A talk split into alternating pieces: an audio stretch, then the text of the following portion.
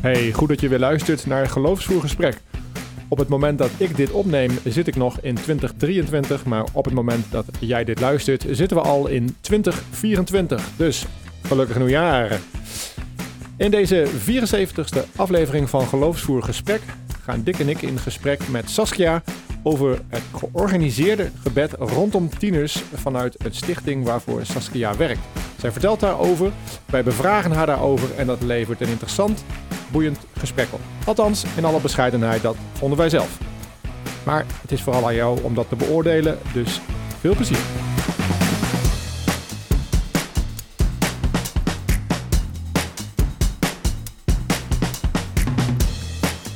Ja, op deze regenachtige donderdagavond zitten we weer vertrouwd eh, bij mij thuis eh, aan de keukentafel. Heel vertrouwd zit weer Dick tegenover mij. Zeker, Goedenavond Dick. dank je. En ook weer een gast, wat natuurlijk hartstikke leuk is. Naast ons zit Saskia. Dankjewel. Leuk dat je er bent, Saskia. Dat vind ik ook. Wat, eh, het is altijd even leuk om mee te beginnen. Wat, wat brengt jou nou hier in zo'n zo'n podcast als deze? Wat deed je nou besluiten om op die, om die, op die oproep te reageren? Want dat was het volgens mij. Of heb ik je er persoonlijk uitgenodigd? Dat weet ik eigenlijk niet meer. Nou, we kwamen wel in gesprek over deze podcast. En eh, volgens mij waren we allebei een beetje nieuwsgierig hoe het zou gaan. Eh, ik was nieuwsgierig, hoe gaat dat nou in zijn werk, zo'n podcast? Hoe doe jij dat? Ja. En jij was nieuwsgierig naar mijn onderwerp, gebed voor jongeren. ja. Nou, en hier zijn we. Kan je, voordat we over gebed voor jongeren praten, iets vertellen over wie jij bent? Wie, is, eh, wie, wie zit er in de podcast met ons? Ja, ik ben eh, Saskia, ik woon in Zwolle. Ik ben getrouwd, vier kinderen met ook een paar jonge gezinnen inmiddels al. En ik werk voor Youth for Christ International. En eh, in die hoedanigheid zit ik ook hier om iets te vertellen over het werk dat ik doe. En voor wie dat niet weet, wat, wat is Youth for Christ? Youth for Christ is een eh, wereldwijde beweging die eh, echt probeert om het evangelie te brengen aan jongeren in kansarme en risicovolle situaties. En eigenlijk met de gedachte van elke jongere zou toch een keer de gelegenheid moeten hebben om iets van Jezus te horen en misschien wel voor hem te kiezen. Ja, want als je zegt, we proberen sommige woorden die voor ons, zeg maar, als kerkgangers heel gebruikelijk zijn, maar voor een luisteraar misschien niet, die proberen we te verduidelijken in zo alledaags mogelijke taal. Dus als jij zegt, het evangelie, net wisselde je dat, in voor Jezus. Als je zegt, we willen het evangelie vertellen aan jongeren, wat kan je dat eens toelichten zonder het woord evangelie te gebruiken? Ja, ik, ik denk dat eh, jongeren het fijn vinden om te horen dat er een God is die van hen houdt, die hen belangrijk vindt, eh, die er voor hen wil zijn in hun leven. En dat er een heleboel jongeren zijn die dat helemaal niet weten. En Youth for Christ is een beweging waar meestal jonge mensen ook proberen om dat eh, in hun wereld, in hun leefsituatie eh, te vertellen. Soms met daden, maar ook soms met woorden. En dus ook met gebed. En dus ook met gebed. Maar dat is eigenlijk een klein omweggetje. Het is zo dat Youth for Christ werkt rechtstreeks eh, met jongeren. Dus je hebt jeugdwerkers, ook hier in Zwolle. Ja, wat ik zei, in Zwolle, ik, ik, eh, ik ken ze. Of Ja. ik ken Youth for Christ in Zwolle, laat ik het zo zeggen. Precies, in Diezen, in Westerholte zijn eh, jonge mensen actief. Ja, dat voor- zijn wijken, wijken van Zwolle. Ja. Ehm, maar Youth for Christ, het is niet zo dat jeugdleiders zelf gaan bidden voor jongeren, maar dat wij proberen om volwassenen, christenen te vragen, zou jij een jongere willen adopteren? Zo zou je het kunnen noemen, om voor te bidden. En waarom doen die j- jongere werkers dat niet zelf? Ah, nou, sommigen doen dat wel, automatisch al. Ja, Het klinkt zo wel, dat zou Oh, eh, best ja. daarbij kunnen horen. Dat is zo. Maar als je echt eh, regelmatig voor een jongere wil bidden. eh, en je ook een beetje wil verdiepen in het eh, leven van de jongeren. Dat vraagt wel wat. Eh, vaak zijn jongeren werkers zelf. eh, hele enthousiaste eh, mensen. Dat zijn ook jonge mensen, zei je net, hè? Ook jonge mensen. Eh, en die hebben juist een hele andere eh, vorm van contact met die tieners. Dus het is eigenlijk een beetje lastig om hen een dubbele pet te geven van... hé, hey, ik heb zowel een leuk programma op de vrijdagavond... en eh, door de week ga ik individueel ook nog eens voor jou bidden. Oké. En, en, nou, jij bent ook jongerenwerker, Dick. Ja. Bid jij ook voor jongeren? Ja, maar niet in de vorm die volgens mij Saskia bedoelt. Althans, niet in een ehm, aparte hoedanigheid. Kijk, omdat ik natuurlijk in de kerk werk, zal elke, elke avond die begint, of we nou gaan eten samen of zo, die begint natuurlijk al met gebed. En ehm, je hebt een avond die over Amnesty International gaat of iets dergelijks, dan een beetje heel specifiek voor jongeren in het buitenland of iets dergelijks. Maar wat ik, waar ik Youth for Christ voor van ken, is toch wel... ehm, misschien omdat het... Ik, ik vind het ook altijd dus wat meer evangelisch. Hè? Dat dat... ehm, eh, waar bidden gewoon wat meer geïntegreerd is in het gewoon het alledaagse handelen. Terwijl de kerken waar ik voor werk, dus bidden echt nog zo'n eh, losstaand eh, eiland. En dat voelt vaak in mijn werk ook zo. Dus ik heb altijd als ik contacten met Youth for Christ, heb ik het idee dat ik daar altijd nogal wat te leren heb over dat eh, gebed voor jongeren. Maar goed, daar, daar moeten we het zo maar meteen maar eens over gaan hebben. Ja. Ja, hier is het echt de bedoeling. en laat ik even iets meer vertellen. Dus Youth for Christ die, heeft echt een heleboel programma's wereldwijd voor jongeren. Vaak in moeilijke omstandigheden. Maar eh, ze hebben ook één onderdeel, dat is eh, gebed voor jongeren. Dat heet Wake Up Deborah. Dat is genoemd naar de profetes uit de Bijbel. Uit het Bijbelboek boek, eh, Richteren. En dat is dus echt een... een, een wel fijn om te horen dat er ook vrouwelijke richters, rechters, koning, Ja, koninginnen... Fantastisch, hè? Het is zo'n boek met veel mannen, maar ja, ja, Deborah is een vrouwelijke verschijning in het boek Richteren. Ja. Ja, dat is wel leuk om even te vertellen. Want Deborah is, een, eh, is een profetes, maar ze is ook een rechter. En eh, ze spreekt, eh, ze komt voor in het Oude Testament, dus in het boek van de rechters. En ze leeft in een tijd dat het eigenlijk regelmatig het volk Israël wordt aangevallen door de Canaanieten. En op een gegeven ogenblik is Deborah iemand die zegt van, als we tegen de Canaanieten gaan vechten, dan zal God ons de overwinning geven. En eh, zij gaat die strijd voorop. Dus zij is echt, ze wordt gezien als een moeder van Israël, om eigenlijk weer te zeggen van jongens, wij moeten op de knieën. Als wij in gebed gaan en God weer aanwezig te laten zijn in onze samenleving, dan ontstaat er rust. Ik dacht even dat je ging vertellen dat de, de strijder trok tegen de Canaanieten. Maar...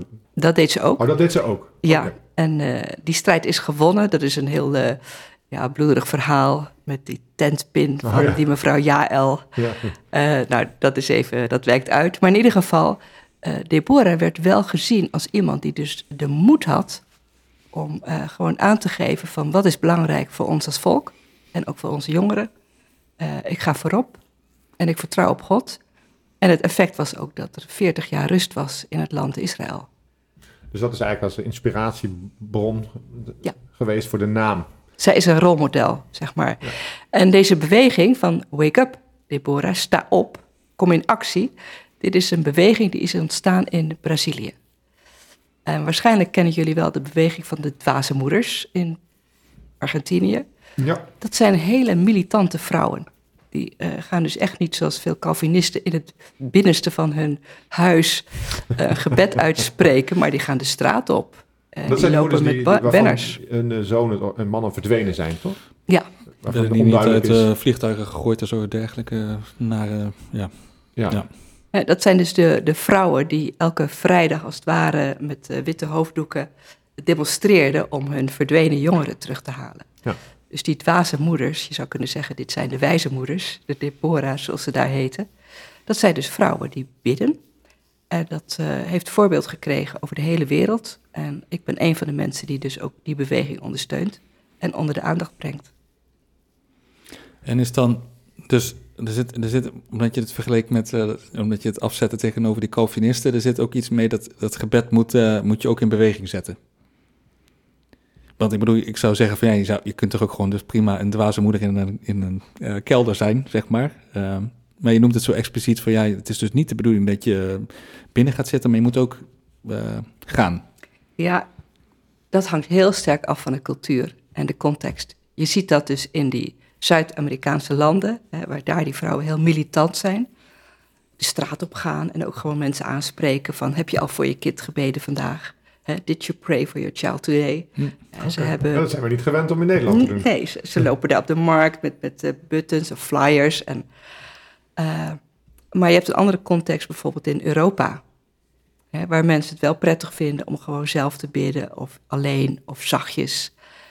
Eh, en wat wij niet willen, is een blauwdruk opleggen in de zin van, zo hoort het gebed voor jongeren eruit te zien. Nee, helemaal niet. Het begint eigenlijk met het verlangen, zou jij willen bidden voor een jongere die God nog niet kent, eh, en en die het waarschijnlijk fantastisch vindt als die weet dat jij voor hem of haar bidt. Ja, maar dat is dan een vraag die, die ik heb. Want je ge- gebruikte eerder het woord ehm, adopteren. Dat heb ik even onthouden. Dus je een soort... Dus dat, dat gebruik je bewust, denk ik. Hè? Dus het is een vorm van adop adopteren. Alhoewel, hè? Je, adopteert niet letterlijk een jongere, voor de duidelijkheid dan. Hè? Maar in het um, uh, langdurig... Je, je, verbindt je wel langdurig en duur, duurzaam aan een jongere. Zo klinkt het, hè? als je het woord adopteren gebruikt. Hè? Dat is niet iets wat we eh, deze maand doen en de volgende maand niet meer. Dan zou je dat woord denk ik niet gebruiken. Maar hoe ziet dan dat uh, contact er dan uit? Want als je... Als die jongen, die, die jongen weet dus kennelijk ook ja. dat er iemand is, eh, die kent hij persoonlijk allicht, die structureel voor hem of haar bidt. Dat is ook een onderdeel van de bedoeling. Dat is, eigenlijk een vraag. Hè? Hoe zit dat? Ja. Hoe werkt dat? Hoe zit die adoptie? Ja, hoe zit die uh, adoptie? Nou, om te beginnen helpt het misschien als je een beetje denkt aan uh, wat ze in de Rooms-Katholieke Kerk hebben met peetouders. Oh ja. Dat zijn niet de biologische ouders, hoewel je als uh, biologische ouders ook heel goed voor je kinderen kunt bidden natuurlijk. Mm -hmm. uh, doe ik ook. Maar in dit geval kun je denken aan een soort peetouders. stel even in een gemeente. In een kerk bedoel je dan? In een kerkelijke ja, gemeente. gemeente ja. jongeren, kinderen worden tien jaar. en dan bij ons bijvoorbeeld gaan ze op een gegeven moment krijgen ze, gaan ze naar de hoogste bijbelgroep. Dan krijgen ze een bijbel mee. En dan zou je kunnen zeggen van nou, je krijgt een, ook een gebedsouder. Dat is iemand uit onze gemeente. En even los van hoe dat proces tot stand komt van de koppeling. Hè, maar dat is iemand die voor jou wil bidden. Dat kan elke dag. En uh, die het ook fijn vindt om van jou te horen van waar kan ik voor bidden of voor danken. Ja, daar kan ik me voorstellen dat dat, dat dan een soort relatie veronderstelt. Want anders voelt het wel wat algemeen. Bedoel, je kunt ook wel natuurlijk voor iemand bidden zonder dat diegene daar weet van heeft.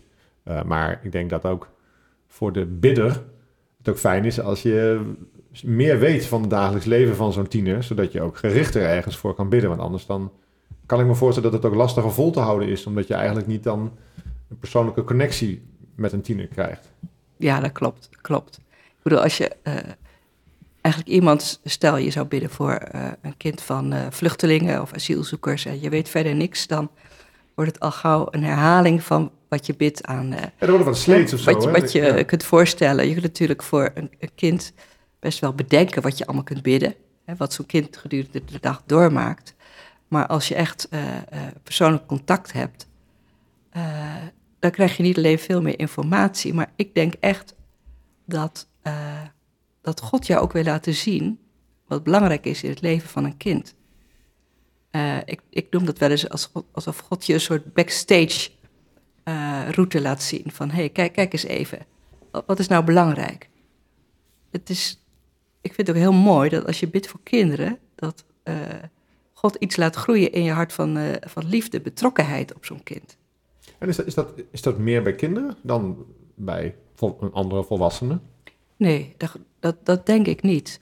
En je ziet ook, zoals in Brazilië, waar dit begonnen is ooit, hè, er zijn relaties die al wel 15 jaar een, een, een gebedsouder, gebedskind hebben. Dus zo'n gebedsouder, welke naam je het ook wil geven, ja. hè, die komt bijvoorbeeld op uh, als iemand beleidenis doet of bij een huwelijk. Ja, dus dat... ik vind die vergelijking met die peterouders, die, die spreekt me wel spreekt me tot, tot de verbeelding. Hè? Dat is ook een soort ander echtpaar waar je dan uh, ook met, denk ik, heen zou kunnen als je thuis het lastig hebt en juist lastig hebt met je eigen ouders. Dan, is het, dan heb je dan een soort tweede setje waar je dan toch terecht kan voor misschien wat ja. raad of, uh, of gewoon even van je afpraten of zo. Ik weet niet of dat in de praktijk zo werkt. Ik zie jou zo kijken van... Uh, nee, nou, ik zat... Het was gewoon uh, überhaupt... Ik, ik had een nieuwsbrief van, van je tocht naar Kiev. Ik weet niet van wanneer die nieuwsbrief was. En toen zat ik, toen zat ik recente, een recente, een recente ja, dat, dat in ieder geval dan, dat daar ook werd gepoogd om zo'n netwerk op te zetten, waarvan dus ook weer de bedoeling was dat die weer die leiders weer anderen zouden aanzetten tot. En um, toen, misschien is dat dus bij een onbekendheid met uh, bidden en dan zo georganiseerd bidden en daar dan, dan zelfs geld voor krijgen en daar, dus met die reden daar naartoe gaan, dat ik zo dacht, ik, ik, was hem gewoon helemaal aan het plat slaan. Ik dacht gewoon, ja, maar het is toch gewoon voor jongeren gewoon sowieso goed om te weten dat er aan gedacht wordt. Ik bedoel, of daar nou een gebed aan wordt gehangen of dat ik daar nou een seculier programma van maak. Als ik gewoon mij verbind aan Renko, die gewoon weet dat ik elke dag aan hem denk. En dat hoeft daar geen bidden te noemen. Uh, dat is dan ook goed. En het is een soort reminder dat ik uh, aan een ander moet denken. Dus niet, niet zozeer uh, religieus gerelateerd, maar dat ik... dus ik zat te denken van ja, is het ook uiteindelijk niet gewoon allemaal een... een dan een truc klinkt alsof het zeg maar dus geen waarde heeft. Want ik denk dat dat ook, uh, ik denk dus dat het om die reden dus wel waarde heeft. Maar ik zat zo te zoeken van wat maakt nou dan, wat, nou ja, ik, ik sowieso verbaasd ik me erover dat dit mijn eerste connotatie was. Toen dacht ik van, heb ik, heb ik dan te weinig vertrouwen in het gebed? Ik denk dat dat wel eens zou kunnen. Uh, maar dat ik hem dus ook heel erg zat te denken van ja, wat, maar toen ging ik meteen tegen mezelf zeggen, ja, wat maakt dat dan dus ook uit of je nou gelooft dat het gebed nou werkt of niet? Ik bedoel, je hebt dan contact zelfs 15 jaar lang. En ik denk dat je gewoon um, dat dat al waardevol is. Maar ja, ik meen dat You for Christ natuurlijk wel wat meer dan bedoeling heeft dan alleen maar een waardevol contact hebben. Dat je dan daarmee ook iets wil laten zien. Maar ik merkte wel dat dat mijn eerste gedachte was. Dus dat speelde heel erg mee. De meerwaarde van het bidden ten opzichte van het gewone contact. Ja, wat, wat zeg maar een seculiere organisatie ook zou kunnen bidden, of wat een buitenstaander van dit initiatief zou kunnen vinden. Want ik, ik denk dat bijvoorbeeld iemand, um, een wetenschapper zou zeggen, die zou dit zeg maar gewoon helemaal, ook net zoals ik deed, dus gewoon helemaal plat staan en zeggen van ja, maar dat is net zoiets als iemand in een ziekenhuis die gewoon elke dag bij een zieke langs gaat. Het is gewoon fijn dat je gewoon bezocht wordt. En helemaal als de thuissituatie zo is dat je maar geen bezoek krijgt. Dus het is gewoon fijn dat één iemand, en vooral als je kind bent, omdat je dan nog in je hechtingsfase zit, dat het gewoon fijn is dat je weet dat er iemand is. Punt. En dan, dan maken wij daar nog een goddelijke dimensie van, natuurlijk. En, uh, maar You for Christ meent natuurlijk dat dat meer, meer is. Hè? Dat het niet alleen maar die seculiere...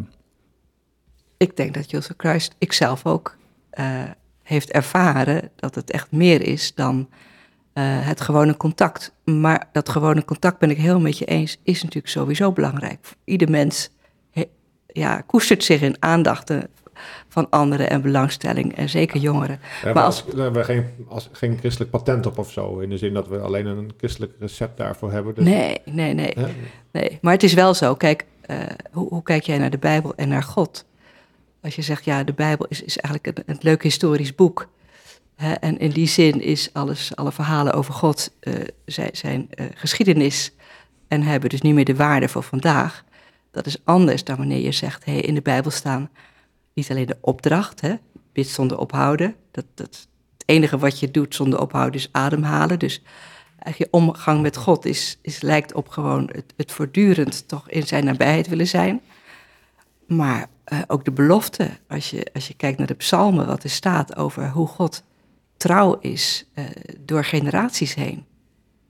Ja, ik denk dat dat wel iets is wat veel mensen hebben ervaren, maar wat veel mensen ook als een soort houvast willen hebben van, ik voel me ook wel afhankelijk hm. van een God die uh, groter is dan wij mensen zijn en die meer kan doen dan mijn arm of oog reikt. Ik, ik zat over dit uh, gesprek vandaag na te denken. er wordt wel eens um, gezegd, jullie zullen dat ongetwijfeld ook wel meegemaakt hebben. Iemand kan tegen je zeggen, ik bid voor je. Of, of ik heb voor je gebeden, of ik zal voor je bidden, welke variatie dan ook. En um, ik, ik, ik, uh, ik, weet nooit zo goed hoe ik daarop moet reageren, merk ik. Ik merk dat ik het fijn vind om te horen, maar ik weet ook nooit, ik weet nooit zo goed hoe ik daar woordelijk op moet reageren. Bedankt of zo, het voelt een beetje een rare, rare reactie. Of, uh, dus ik, ik, toch moet ik onderkennen dat ik dat dan wel daar moet ik dan later nog wel eens aan terugdenken. Dat ik, oh, dat is wel iets positiefs op in mij. Alleen ik vind het ook wel weer. Um, ik, weet, ik weet er zit een soort ongemak bij, merk ik gewoon, als ik eerlijk ben. Ik bid voor je. Terwijl ik denk dat, ik hoop tenminste in, in, die, in die context van dat week op, week op Deborah, dat dan begin je daar als, als uh, gebedsouders en als tiener begin je daar gezamenlijk aan. Hè? Dus, dus niet, of, of meldt de jongen zich aan, dan zegt hij, of hè, hoe, Snap je? Dat is even een vraag die ik heb. Want anders zou je dat, datzelfde ongemak een beetje kunnen hebben van wat ik net beschreef. Van dat er een ouder echtpaar is wat elke zondag heel hartverwarmend naar je kijkt en zegt ik bid voor je hoor. En die jongen is met, of, met of zonder jouw toestemming. heel ongemakkelijk op die stoel zitten schuifelen, weet je wel. Van oh, ja. Uh, hoe, wat, dus ja. Ik, ja. Toch, ik neem aan dat, dat, dat, dat je daar samen dan aan begint. Hè? Of, ja, nou... Uh, ik, zou, ik, ik, ik bid voor je is ook wel heel, heel fijn, maar ik kan ook een beetje beklemmend voelen, denk ik. Uh, wat wij ook proberen is om dingen concreet te maken. Ook naar jongeren zelf. Uh, wat bedoel je daarmee? Nou, je kunt dus uh, bij wijze van spreken zeggen, ik bid voor wereldvrede. Je kunt ook zeggen van, joh, ik, ik, je vertelt me dat jij zo gepest wordt ik ga bidden dat jij goede vrienden krijgt. Of dat mensen voor jou opkomen. Of dat uh, jouw juf uh, ziet wat er gebeurt in de klas. Ja, veel gerichter. Dus heel concreet, want dat betekent ook dat uh, ze leren om te kijken van wat doet God in mijn leven. Hè, dus, dus je kunt ook op een gegeven moment zeggen van... hé, hey, ik, ik heb gebeden dat jij gewoon je toets goed zou maken. Hoe is het gegaan? En tegelijkertijd weet je dat niet alle gebeden worden verhoord. Want anders uh, hoeft dus ook geen huiswerk meer te maken. Want zij zeggen, joh, ik bid voor een tien. Ja, check. ja die is binnen. Nee, uh, dus het is wel goed om, om ze ook te laten merken dat God iets, iemand anders is dan Sinterklaas. Maar ook iemand anders dan hun vriendje. Als ze in gesprek zijn of als er voor hen gebeden wordt. Dus als jij zegt, ik vind het be beklemmend, dat, dat kan ja, dat, is, dat is jouw woord, maar ongemakkelijk. Ongemakkelijk, ja. Dus, dat, daar kan ik me iets bij voorstellen. Kijk, dus wij, als het gaat om een koppeling, die, die komt zeer zorgvuldig tot stand. Uh, sowieso al wil je eigenlijk dat meisjes gekoppeld worden aan een vrouw ja. en niet aan een man. Uh, jongens bij voorkeur aan een man, hoewel eigenlijk vaker vrouwen zich aanmelden dan ja, mannen. Ook de dwaze moeders natuurlijk. In Brazilië dat zijn er niet voor niets, het zijn allemaal vrouwen natuurlijk. Ja. En, uh, dus als ze elkaar kennen, gaat het wat makkelijker. Maar je begint ook niet met het uitwisselen van, uh, hè, zullen we meteen vanaf volgende week appen, elke dag even van wat kan ik bidden of zo. En dat begeleid je ook, dat proces. Daarom is er ook een jeugdleider bij. En uh, dat woord dat jij een beetje lastig vindt, die gebedscoördinator, dat is iemand die zich verantwoordelijk voelt voor het goede contact tussen die gebedsouders en die jongeren. Hm. En dat bijvoorbeeld wat een jongere vertelt, moet ook, is vertrouwelijk. Ja, dus, dat, moet, dat moet af en toe even wel iemand met verstand van zaken eens naar kijken. Of die, of die uh, relaties die er zijn, of die gewoon goed, goed lopen, gezond, ja. gezond zijn. Dat kan ik me iets bij voorstellen, ja. Ik, ik vind het nog wel even leuk om door te praten over uh, het onderwerp van um, uh, gericht bidden. Um, ik kan me nog herinneren, wij, Dick en ik, we hebben een wederzijdse vriend, Reinoud. Hij is ook al een keer in de podcast geweest. Jij kent hem trouwens ook natuurlijk, ja. want jij bent bevriend met zijn ouders, mag ik dat zeggen? Ja, we zitten bij elkaar op de Bijbelkring. Juist. En uh, ik, kan, ik, kan, me nog herinneren dat Reinhard lang geleden tegen mij zei van... Uh, ja, dat bidden, weet je, zegt hij, ja... Ik kan wel gewoon bidden, uh, inderdaad, voor de hele wereld. Zo dan heb ik in één zin, dek ik alles af. Hij zei, ja, maar ja, zo werkt het natuurlijk niet. Of zo. Hij, hij, was daar heel duidelijk in. Dus zo van, ja, dat, dat, is, niet, dat is niet de bedoeling.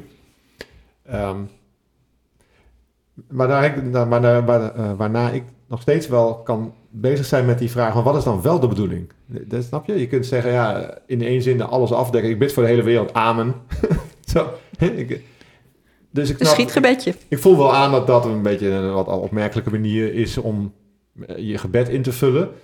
Tegelijkertijd uh, weet ik niet goed wat dan wel. Omdat ik ook wel... We hebben het ook wel eens gesprekken over gehad, Dick. Je hebt ook eens een keer een voorbeeld genoemd van iemand die dan eigenlijk overal voor bad. Hè? Ja, ja. Heel, hele kleinste, alledaagse dingen. En ik, ik, ik kan me nog herinneren dat wij allebei daar eigenlijk...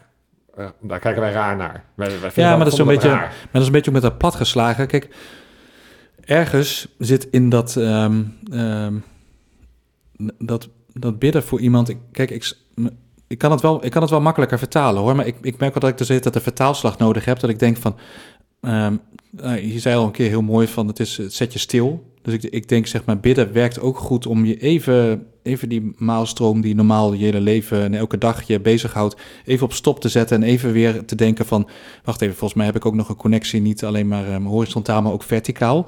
Dus het zet je even stil en het, zet je ook even stil weer bij de relatie die je hebt. Dus je bent daar gewoon weer mee bezig. Maar kijk, dan ben ik hem alweer psychologisch ook weer aan het uh, verkennen. En um, en jij schreef in jouw blog uh, eerder, uit 2019, schreef je ook zoiets van... Ik heb het idee dat ik eh, continu aan het bidden ben. Dus ik, ik ben, denk ik, gewoon zonder dat ik heel heb expliciet... Heb, heb, ik dat geschreven? Nee, maar je, oh. schreef, nee, maar je schreef wel als in van um, gericht bidden. Schreef, je schreef iets van, volgens mij ging het ook over gericht bidden, dat je dat raar vond. Want je denkt van, ja, maar er zit ook in, in, in andere hoedanigheden ben ik ook...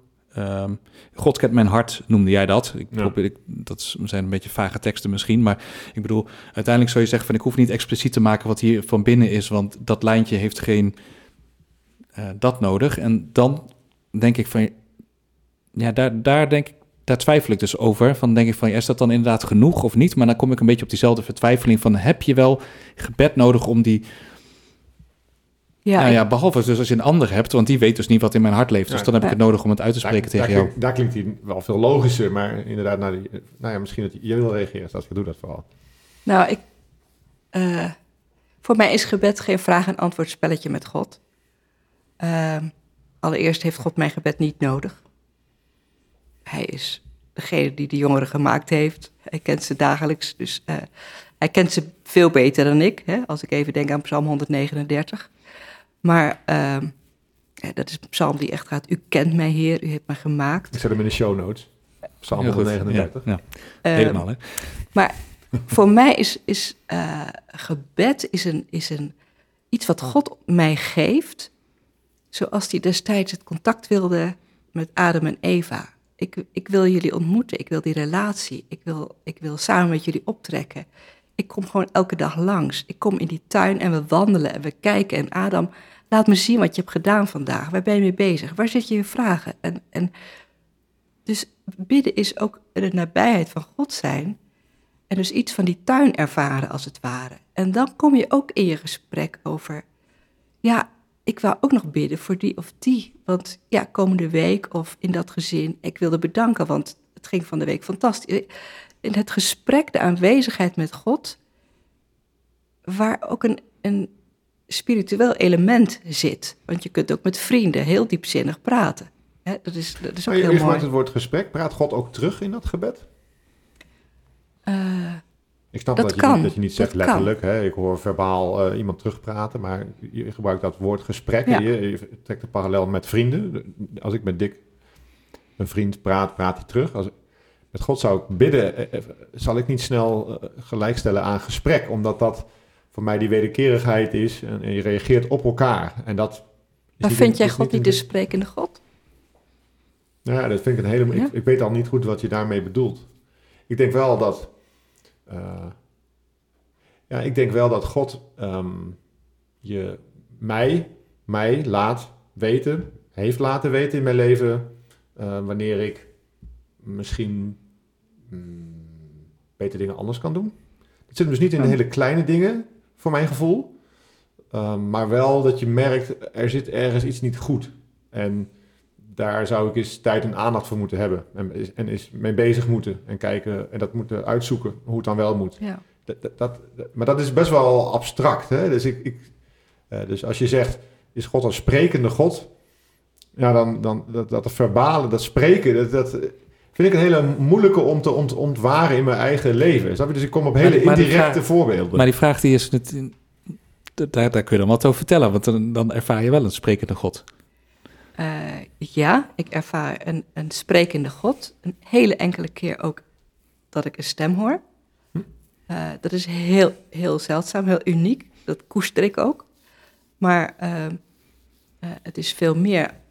Ja, eigenlijk staat het ook in de Bijbel. Kijk, God spreekt zelf ook vanuit de Bijbel.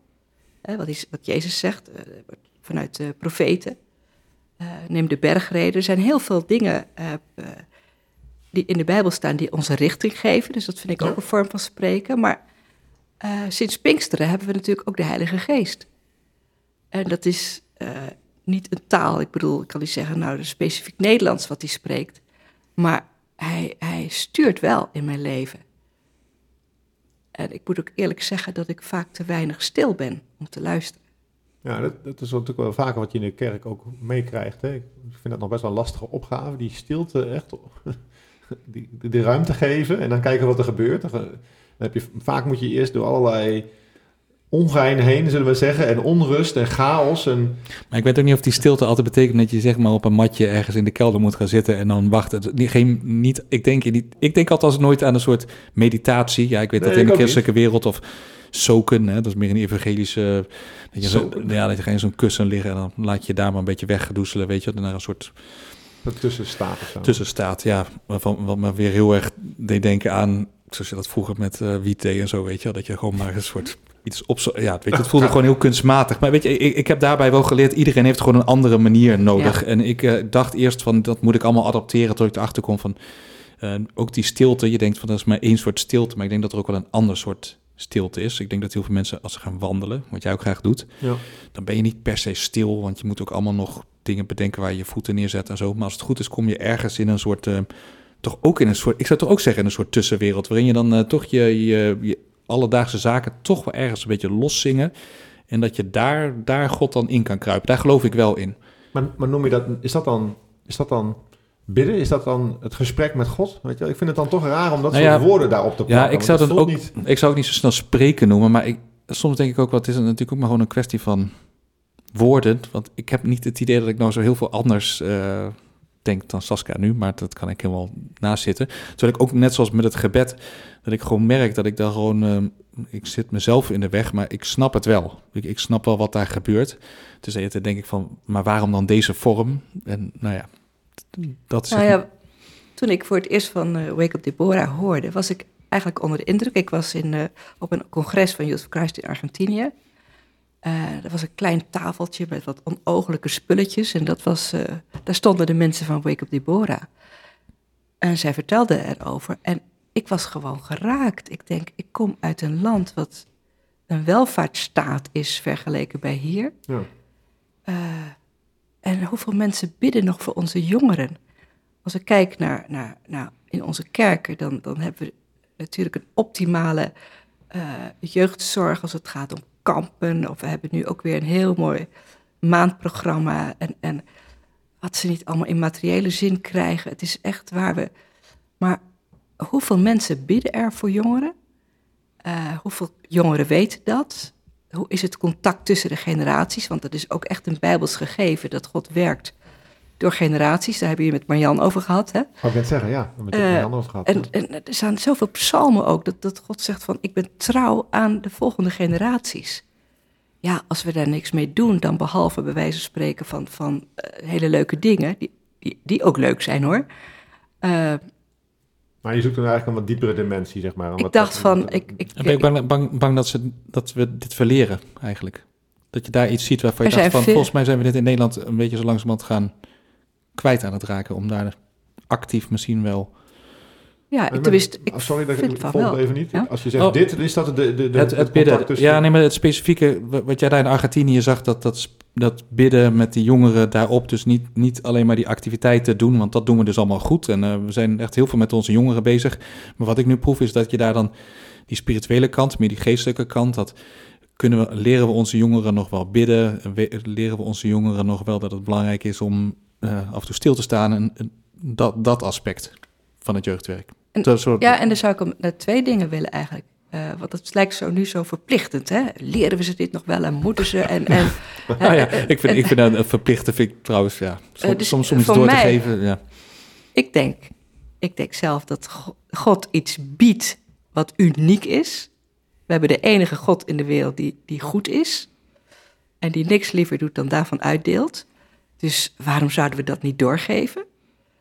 En aan de andere kant denk ik, jongeren, je mag ook wel weten dat je een schepper hebt aan wie je wat verplicht bent. Je mag ook wel weten dat hij notabene zijn zoon heeft gegeven. We hebben nu weer kerst binnenkort. Hoeveel jongeren weten nog het kerstverhaal? En dan kun je de jongeren niet verwijten als de ouderen het ze niet vertellen. Nee, maar het is toch wel een beetje verplicht, toch? Dat we ze toch, ze het toch op een of andere manier moeten leren. En als we het aan ze vragen, dan zullen ze het waarschijnlijk niet uit zichzelf doen. Nee. Dus dan moeten we dat toch... Ik snap wel wat je Het is een dat- verlangen. Het is een verlangen in plaats van het is een, eh, een, een dwang. Ja. Ja, ik bedoel, ik, ik denk misschien dat ik plicht, bedoel het ook niet zo streng als, eh, als dat klinkt, maar meer van ja, je zult toch, net zoals leren ook vaak eh, zo'n woord is waar we denken, och, leren, dat moet ik al genoeg, maar dat volgens mij leer je om beter te worden. Dus ik bedoel, dat hoeft geen vies woord te zijn. Net zoals dit, dat je dan ergens, denk ik, als ik aan mijn kinderen zo ga vertellen van nou, we gaan nu bidden, dat ze zullen zeggen waarom, waarvoor, en dat heb ik, ze- dat heb ik ze dus te leren. En dat ze dat toch wel zullen moeten oefenen om daar dan beter in te worden.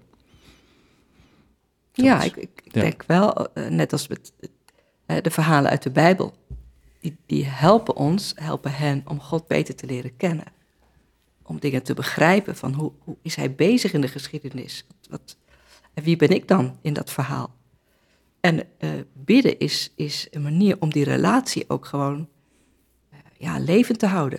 Ja, het voelt, wat we nu, nu net bespreken, voelt als iets wat, wat door de jaren heen kan ontstaan, maar wat misschien niet primaire aanleiding is, hè, van, of, of het primaire doel is van Wake Up Deborah. Dus dat, dat, is die, dat is die, dat die jongeren ehm, weten dat er iemand is die voor hen bidt. Dat ze daar kwijt kunnen wat er in hun leven is. En dat, dat voelt, kan geruststellend en fijn voelen als je dat kwijt kan bij iemand en weet dat dat ook nog eens een keer uh, in de verticaal naar boven gezonden wordt uh, naar, naar, naar God. En um, dat dan, als je dat 15 jaar doet, om dat voorbeeld even bij te halen, dan breng je natuurlijk ook daarmee een heel andere boodschap nog over. Die helemaal niet uh, hardop genoemd wordt misschien, hè? Nergens, hardop op, hè? nergens precies opgeschreven staat. Maar die jongere leert mensen kennen die 10 jaar lang, 15 jaar lang tijd maken voor je. En dus duurzaam in je geïnteresseerd zijn en op je betrokken zijn. En er waren toen je ging trouwen. En er waren toen je je eerste kind kreeg. Weet je, ik bedoel, dat hoeft dan wat mij betreft ook niet dus per se rondom uh, gebed georganiseerd te zijn. Maar dat is een beetje waar jij mee begon, Dick. Je kunt dan plat slaan.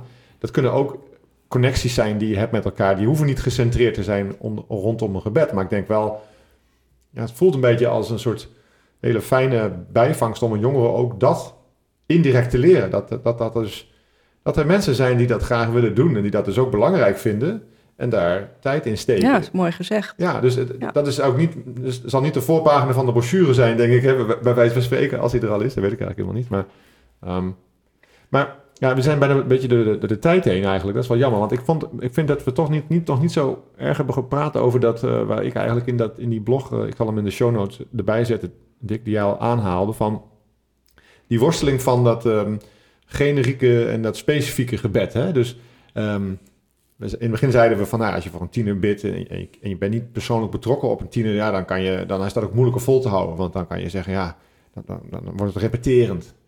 Um, als je een tiener wel goed kent, kan je veel gerichter ergens voor bidden. En dan kom ik dus met vragen als, ja, maar is dan een, is een gerichter gebed uh, waardevoller in de zin dat het meer inzicht heeft of hè, meer, meer uitwerkingskracht heeft of meer effect heeft. Ja, klopt. Je hebt het, je hebt het, jij noemt zelfs uh, heb je de tien keer nodig uh, versus uh, één keer. Ja, ik vind dat het zijn echt oprechte. Ik stel ze misschien een beetje flauw daar, maar het zijn wel oprechte vragen die ik heb. Hè, van hoe, hoe ik, ik, ik, we moeten natuurlijk een beetje weg. We leren dat we weg moeten blijven uit transactiedenken. Hè? Dus dat snap ik allemaal wel. Hè? Dus ik, ik begrijp ook wel dat ik niet alles. God is geen Sinterklaas, dat begrijp ik wel. Die, die fase ben ik wel voorbij. Maar niettemin is het interessant ik kan niet altijd goed uit de voeten met hoe mensen gebed benaderen. Vooral als het dus een georganiseerd karakter krijgt. Hè. Jij noemde een keer in een bijzin die gebedscoördinator. Die haal ik ook in, in diezelfde blog aan. Ja, dat, dat, bevreemde me gewoon. Dat ik dacht, wat een raar, wat een rare, wat raar iets is dit eigenlijk. Hè? Dus voor mij is dat gebed een veel meer een, soort particuliere aangelegenheid.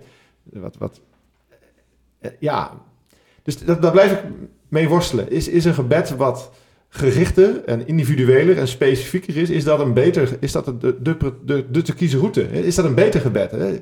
Kun, kun je dat zeggen? Of, of als we het tien keer doen, is het dan, als tien mensen zouden bidden voor één tiener, zou het dan nog beter zijn? Ik, ik weet het oprecht niet. Nee, nou voor, voor mij, uh, ik weet dat ook niet. Ik bedoel, ik, uh, ik weet niet meer dan dat we uit de Bijbel weten en, en dat Jezus ons het onze vader leert, zeg maar. Ja. Uh, ook nog weer op verschillende manieren, zoals Lucas en Matthäus daar naar kijken. Maar uh, ik denk dat veel samenhangt toch van, van je relatie met God. Als jij het, het heel prettig vindt om dat, dat heel privé, heel persoonlijk te houden, dan denk ik dat dat een hele mooie manier is. je hebt zelfs kans dat je in je privéleven hè, ook, ook op die manier met mensen omgaat. En er zijn andere mensen die vinden het heerlijk om iets met z'n allen te doen en te herhalen. Ja. Ik bedoel, als je de, de mensen uit Afrika hoort bidden, hè, dat is allemaal door elkaar en hardop. En, en, en, of ik, ik ben in Bangladesh geweest, daar, daar, kunnen ze gewoon bijna, bijna dwepend bidden. Dat ik denk, nou, dit is een manier die ik helemaal niet herken bij mezelf. Dus wie ben ik om een blauwdruk te geven van gebed? Maar voor mij is het wel van, wat is je relatie met God? Om dan iets te vertellen aan hem wat, wat jij belangrijk vindt in, in bijvoorbeeld het leven van je kind. En als, het, als er iets ernstigs aan de hand is met je kind, dan denk ik dat je als vanzelf al het vaker dan één keer bidt om bijvoorbeeld genezing. Dat is het makkelijk. Dat is eigenlijk nou, makkelijk. Dan zit je in een moeilijke situatie, maar dan is het bidden het makkelijkst. Hè? Nood leert bidden. Ja, nood leert bidden, precies. Ja, ja uh, zelfs als je niet gelovig bent. Hè, dat was dit jaar kwam er nog uit een uitgebreid onderzoek kwam nog dat zelfs mensen die niet religieus zijn tot God bidden als er een ernstige diagnose plaatsvindt of zoiets dergelijks. Dus dat is gewoon, blijkelijk uh, hebben we dan heel snel door dat het horizontaal uh, ons niet gaat helpen. Dus dat, is wel interessant. Maar ik dacht, überhaupt, terwijl jij zegt van we hebben nog niet eens de helft aangekaart. Nee, dat klopt. Ik dacht, ja, hoe zit het er met gebedsgenezing en hoe, hoe, hoe, um, ik, ik, zoals in de jeugddienst in, uh, in Nijkerk, dat is echt een hele grote massale evenement waar heel veel ministry, dus waarin je heel veel echt gaat bidden voor iemand en tijdens de dienst ook naar voren kan komen om voor je te laten bidden. Ja, dan, dan, dan merk je dat dat, uh, dat dat is ook weer een heel aparte iets wat ik helemaal niet ken. En uh, nou ja, alleen dat, dat, dat stukje gebedsgenezing van hey, hoe, hoe geloof, ja, nou ja, daar kom je wel ook wel een beetje op dat specifieke van hoe werkt dit allemaal. Dus misschien moeten we toch nog maar een keer... Nou ja, dat, eh, dan kunnen we, als de opname afgelopen is, dan kunnen we Saskia nog eens rustig vragen wat ze ervan vond. En uh, het is in ieder geval dus wel, ik hoop dat je dat merkt Saskia, het is een onderwerp wat we interessant vinden, maar waar we ook wel lastig vinden, waar we wel mee worstelen. ik vind dat jij straalt wel wat meer vertrouwdheid uit. Hè? Je, je, bent natuurlijk ook verbonden aan die beweging, dus dat is fijn ook dat je dat wat meer in je hebt. Wij zijn, als ik voor ons mag spreken, wel wat meer nog zoekende? Wat nou, is dat? Maar we zijn heel Nederlands, denk ik. Ik denk dat Saskia juist het voordeel heeft dat ze de hele wereld rond heeft gereisd en misschien wat meer relativeert. En wij zitten in onze, ja, in onze rationele Noord-Europese manier zitten wij hier alles weer eh, te benaderen. Dus ik merk dat Saskia probeert in ieder geval bij ons, denk ik, iets te laten zien van dit, dit hoort het te zijn. En wij, zit, wij stribbelen nog wat tegen. Maar. Dit kan het zijn. Ja. Het, kan, het zijn, maar beslist geen blauwdruk. Ik, nee. Uh, nee, maar daar gaan, we het, uh, daar gaan we het bij laten. Ja. Als je het goed vindt, uh, Saskia, je had misschien ook nog wat meer willen zeggen, dat weet ik niet. Ja, het is een mooi onderwerp. Ja. nou, het is wel leuk om misschien nog wat over Week op Deborah ook in de show notes te... Ja, ik zal wat linkjes, ik hoop dat ik er ook aan denk als ik hem aan het editen ben. Anders dan wijzen jullie mij erop en dan voeg ik het alsnog toe. Um, ik wil je heel erg bedanken, Saskia. Leuk dat je wilde komen. Graag gedaan, ja. En met ons in gesprek wilde over dit onderwerp, wat ook best wel persoonlijk kan zijn. Hè? Gebed komt best wel dichtbij, vind ik. Ja, ik, heb, ik heb nog nooit in een pastoraal gesprek gehoord, zoals mensen zeggen, dat ze niet naar de kerk zijn geweest en je vraagt zal ik voor jullie bidden. Dat heb ik nog nooit iemand gehoord. En er zullen veel andere dominees en kerkelijk werkers ook bij amen. heeft nog nooit, dat je bijna nooit uh, nee hoort. Dus dat mensen toch ja, het altijd, op prijs stellen. altijd op prijs stellen en altijd intiem. Ja. Ja, ja. Ik heb daar niks aan toe te voegen, niks aan af te doen. Dank jullie wel.